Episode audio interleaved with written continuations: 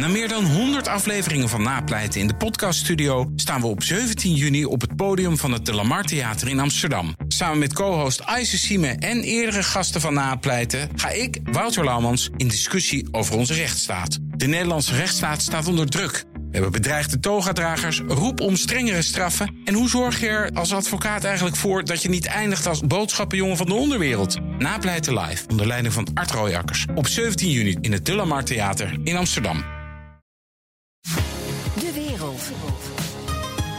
Lufthansa verzet zich met man en macht tegen de staatssteun van de eigen regering. 9 miljard euro, jawel. Waarom?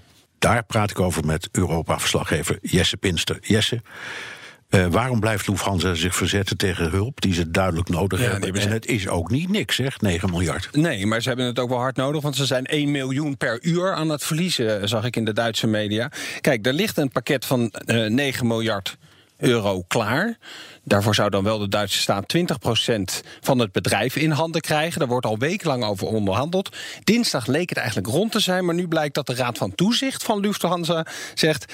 Nee, we willen er toch niet mee akkoord gaan. En waar het vooral mee te maken heeft, is landingsrechten. En dan specifiek weer in München en Frankfurt. Want het lijkt erop dat de Europese Commissie tegen Lufthansa gaat zeggen... als jullie dat geld aannemen, dan moeten jullie een deel van... en ze hebben waarschijnlijk zo'n zo'n twee derde van alle landingsrechten... op die twee luchthavens hebben ze. Die moeten jullie dan wel een beetje gaan inleveren. Niet allemaal, maar toch andere maatschappijen iets meer ruimte geven. Want ja, anders is het niet eerlijk. Nee, maar het is in Brussel. dat zijn hun thuisbasis, hun belangrijkste twee hubs. Ja, dus, dan kan je Als voorstellen je, als je Lufthansa zegt, zeg je München of Frankfurt. Ja, en daarom ligt het zo gevoelig ook natuurlijk. De Euro- Europese Commissie heeft toch juist regels voor staatssteun overboord gezet. Nadat de coronacrisis uitbrak. Ja, nee, dat hebben ze grotendeels gedaan. Maar zoals dat dan in Brussel eh, ook wel hoort, is er wel een heel pakket afgesproken. En dan, als je dan helemaal ergens bij punt 72 om precies uitkomt, dan blijkt daar Echt toch. punt 72 hè, in dit geval. Punt 72, dan blijkt er toch nog wel een zekere eh, ja, voorwaardes aan te zitten.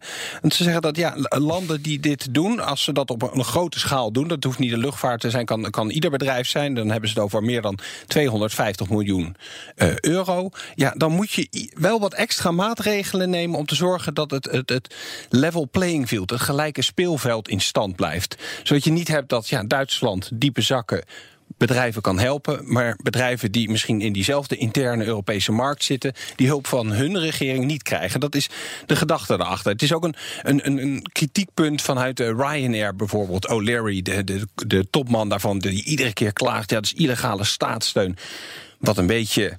Nou, dubbel is, want eh, Ryanair die zet nog wel eens eh, le- kleinere vlu- vluchthavens beetje onder druk, zodat ze daar kunnen vliegen en dat ze daar wat voordelen aan halen. Maar goed, het is in de regeringskringen is dit echt een, een, ook een groot thema. Want Angela Merkel, de bondskanselier, heeft binnen haar eigen partij maandag gezegd, dat is uitgelekt. Van ja, we gaan hier ruzie over krijgen met Brussel. En ik zal zorgen dat dit niet gaat gebeuren. Ze had het over een zwaar gevecht. Dus weet je, de, de, de gedachte is ook dat ze heel veel verbindingen met, met met name Noord-Amerika en Azië dan kwijtraken. Want dan worden die plekken ingepikt of ingenomen door low-cost airlines die eh, naar de vakantiebestemmingen Ja. gaan, maar niet die lange vluchten. Nee, ik denk dan ook, ik denk dan ook zo'n luchtvaartmaatschappij valt een beetje door de mand. Want die heeft natuurlijk een soort monopolie, laten we eerlijk zijn. Al Ja. is het niet officieel. En nu zegt de Europese Unie heel terecht: ja, maar eigenlijk mag dat niet. Dus dit is een moment, artikel 72. Mhm. We zorgen dat dat niet meer gebeurt. Oké, vraag. Geldt het ook voor de KLM? Raakt, raakt de KLM straks ook landingsrechten kwijt als ze hulp krijgen van de Nederlandse staat? Ja. Bijvoorbeeld op Schiphol. Ja, want die discussie loopt natuurlijk. We hebben even nagevraagd van hoeveel landingsrechten hebben zij eigenlijk op Schiphol. Nou, dat blijkt zo ongeveer de helft van alle eh, eh, landingsrechten te zijn.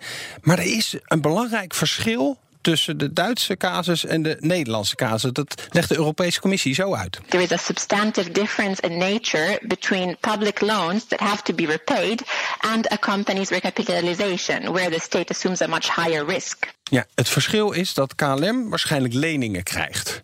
En wat ze in Duitsland doen, ik noemde het al heel even, ze nemen echt een aandeel. Ze krijgen 20% van dat bedrijf in handen. En dan zeggen ze in Brussel, ja, dan zit je er echt aan vast. Je neemt een veel groter risico.